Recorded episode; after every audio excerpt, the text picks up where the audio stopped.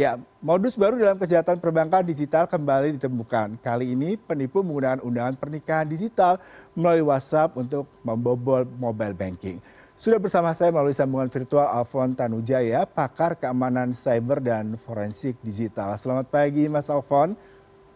Pagi Yudi, ya. semoga sehat selalu ya. Baik, salam sehat juga Mas.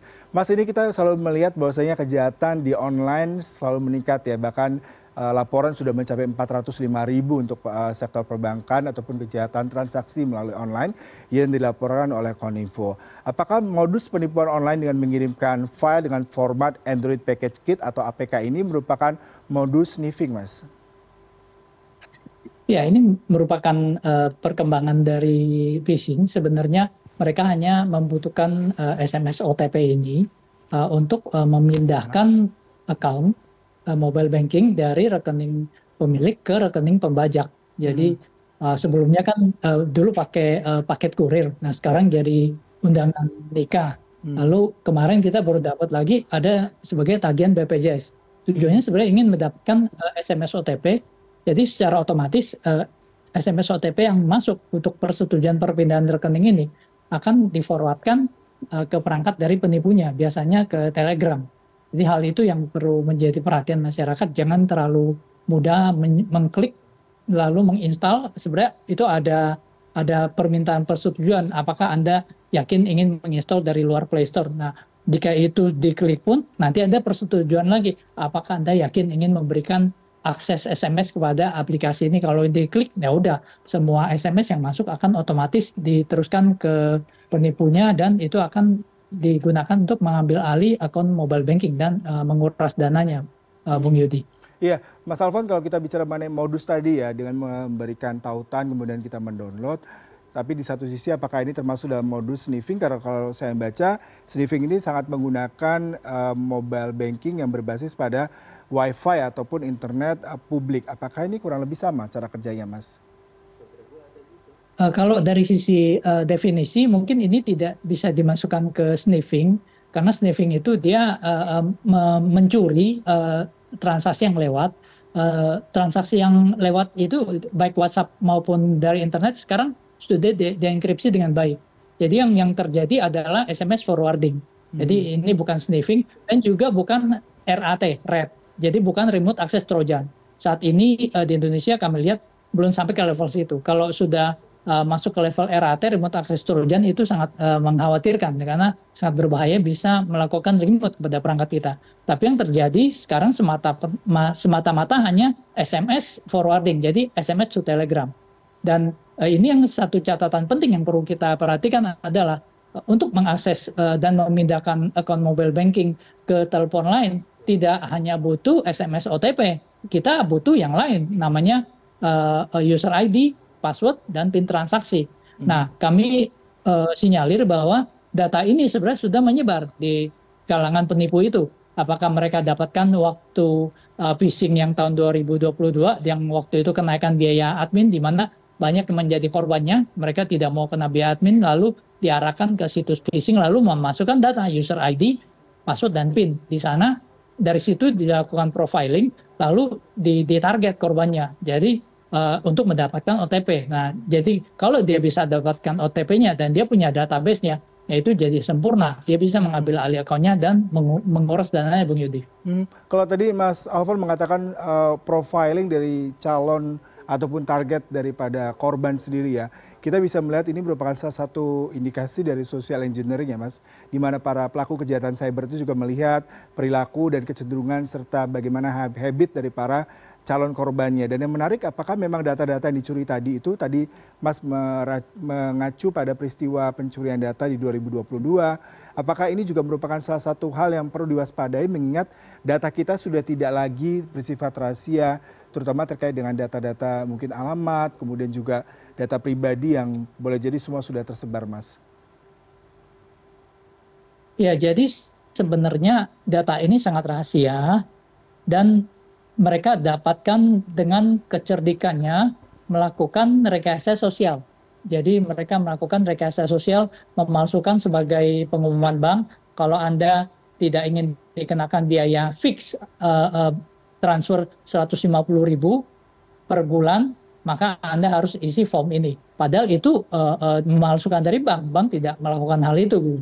Mereka cerdik sekali kan nasabah mana ada yang mau dikenakan 150 ribu flat selama sebulan walaupun transfernya unlimited, mm-hmm. lalu mereka akan mengisi datanya. Nah, di situ dipancing untuk mengisi data user ID, password, dan PIN. Nah, dari situ dikumpulkan datanya dan uh, kami sinyalir waktu itu korbannya sangat banyak dari dari uh, beberapa uh, bank pengelola mobile banking, lalu data itu kemungkinan besar sudah beredar di kalangan penipu ini jadi sekarang mereka sudah punya nomor telepon, sudah punya user, ID, password dan PIN, lalu mereka tinggal mendapatkan OTP ini. Nah, dapatkan OTP ini yang mereka kirim APK. Nah, APK-nya mereka pinter sekali. Kemarin jadi sebagai kurir paket, lalu selanjutnya uh, sekarang jadi undangan nikah, besok dia jadi eh, BPJS. Jadi hal ini yang yang perlu diperhatikan oleh masyarakat dan bank penyelenggara mobile banking juga harap juga tolong diperbaiki sistem keamanannya jadi jika terjadi perpindahan nomor account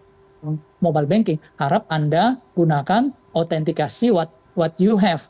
Jadi bukan what you know. Hmm. Kalau what you have itu seperti uh, korbannya uh, pemilik rekening harus ke ATM untuk karena dia butuh kartu ATM kan what you have. Eh, penipu tidak punya, dia perlu ke ATM untuk mengganti user ID dari mobile bankingnya, atau dia harus ke CS memperlihatkan KTP-nya, what you have-nya KTP gitu. Hmm. Nah hal-hal seperti ini yang hal-hal kecil perlu diperhatikan juga oleh penyelenggara mobile banking. Jadi masyarakat memang ya pada umumnya kan awam gitu. Kalau orang yang tidak mengerti melakukan klik lalu setuju semua, Nah, kalau misalnya melakukan verifikasi what you have ini setiap perpindahan akun, maka walaupun penipu memiliki kredensial dan memiliki SMS OTP, dia tidak akan bisa mengambil alih dananya. Kenapa? Karena sudah dilindungi dengan baik oleh bank. Nah, hmm. hal itu yang, yang kami sarankan untuk diperhatikan oleh bank penyedia juga. Dari OJK juga kami benar-benar berharap bahwa OJK sebagai wasit, sebagai pengawas, untuk uh, melakukan standarisasi yang baik gitu loh. Pokoknya kalau mau pindah nomor handphone harus ada verifikasi what you have ke banknya atau ke ATM-nya. Jadi itu yang, yang kami sarankan. Dan masyarakat juga harus berhati-hati. Jangan sembarangan kalau terima APK langsung diinstal atau disetujui. Hmm. Kalau Anda tadi mengatakan bahwasanya upgrade daripada pelaku kejahatan cyber juga harusnya diimbangi dengan proteksi yang baik dari para uh, pengguna jasa maupun pihak penyedia uh, perbankan sendiri ya Mas. Tetapi yang menarik tadi Anda katakan terkait dengan uh, bagaimana aplikasi tersebut juga harus diimbangi dengan verifikasi seperti what you have. Lalu mengapa hal tersebut tidak terlalu jamak dilakukan di Indonesia ataupun memang ini karena literasi dalam kejahatan cyber di Indonesia masih rendah Mas? Kelihatannya mungkin penyelenggara mobile banking ini uh, beranggapan bahwa pengamanan OTP ini sudah cukup untuk mengamankan. Karena OTP ini secara secara teori kan saat ini secara de facto merupakan pengamanan terbaik. Mm-hmm. Nah, tetapi yang mereka lupakan adalah pengamanan OTP ini uh, memiliki uh, banyak tingkat keamanan. Jadi OTP ini ada tiga secara umum. Satu OTP token, token itu yang paling aman karena tidak tidak ada perantara pihak ketiga. Lalu kedua, OTP authenticator seperti Google Authenticator, uh, Microsoft Authenticator itu uh, masih aman tetapi relatif kalah dengan token. Kenapa? Karena ada di handphone. Lalu OTP ketiga, OTP dengan menggunakan SMS. Sebenarnya secara teknis, OTP dengan SMS itu adalah OTP yang paling lemah dari semua OTP yang saya sebutkan tadi. Kenapa? Karena satu ini melibatkan pihak ketiga. Jadi di tengah jalan pihak ketiga itu jika bocor itu bisa diambil OTP-nya. Yang kedua, ya seperti hal ini kalau perangkatnya uh, di, disusupi oleh aplikasi uh, untuk memforward SMS atau pencuri SMS dan korbannya tidak sadar menjalankannya, maka OTP itu bisa dicuri. Nah, hmm. tadinya OTP yang menjadi uh, what what you have itu sebagai perangkat itu ketika sudah uh, dikeluarkan angkanya lalu berhasil disadap itu jadi what you know. What you know itu kan bisa disebarkan. What you know itu kan user ID, password dan PIN itu bisa dibagikan. Tetapi what you have itu nggak bisa dibagikan. Hmm. yeah. Jadi what you have itu seperti kartu ATM, seperti KTP atau wajah kita. Jadi kita mesti ke bank kalau misalnya mau ganti nomor handphone atau apa. Nah itu yang yang perlu diperhatikan oleh uh, penyelenggara mobile banking, Bu. Ya, Mas Alfon terakhir terkait dengan tips sendiri, selain tadi ada, ada mengatakan bahwa what you have itu merupakan salah satu hal yang krusial untuk melakukan verifikasi ketika ada pergantian nomor telepon ataupun ketika ada penggunaan telepon ataupun data berbasis telepon yang tidak sesuai dengan peruntukannya. Ada hal lain nggak Mas yang harus kira-kira kita uh, perkirakan bisa menjadi salah satu protection di awal buat para pengguna jasa perbankan mobile ataupun para pengguna telepon Mas? Kalau melihat bahwa data ini sudah menyebar, bahwa kemungkinan jika kita merasa bahwa dulu kita pernah dikirimi data ini, lalu mungkin data kita sudah menyebar. Jadi ada ada satu saran uh, uh, short term dan satu saran long term. Saran short term saya adalah segera ganti password dan PIN dari mobile banking Anda. Itu supaya kalau misalnya datanya sudah menyebar, sudah diganti, ya, pelaku penipuannya nggak bisa melakukan login. Itu yang pertama. Yang kedua, jika sudah melakukan hal itu, kalau bisa sih ganti account mobile bankingnya. Dan kalau Anda kurang yakin banknya mengamankan dengan what you have, kalau misalnya ganti nomor, saya sarankan udah ganti aja penyelenggara mobile bankingnya dengan yang kalau misalnya terjadi pergantian nomor, dia perlu verifikasi ke bank atau ke ATM-nya daripada dana dana Anda yang jadi taruhannya gitu loh. Itu saran saya sih. Di, di selain itu uh, untuk uh, bank dan uh, pemerintah kami harapkan cobalah terapkan uh, pengamanan yang baik yang seperti kami sarankan tadi, Bung Yudi. Baik, Mas Alfon Tanujaya, pakar keamanan cyber dan forensik digital. Terima kasih untuk perbincangannya, Mas. Selamat pagi. Selamat pagi.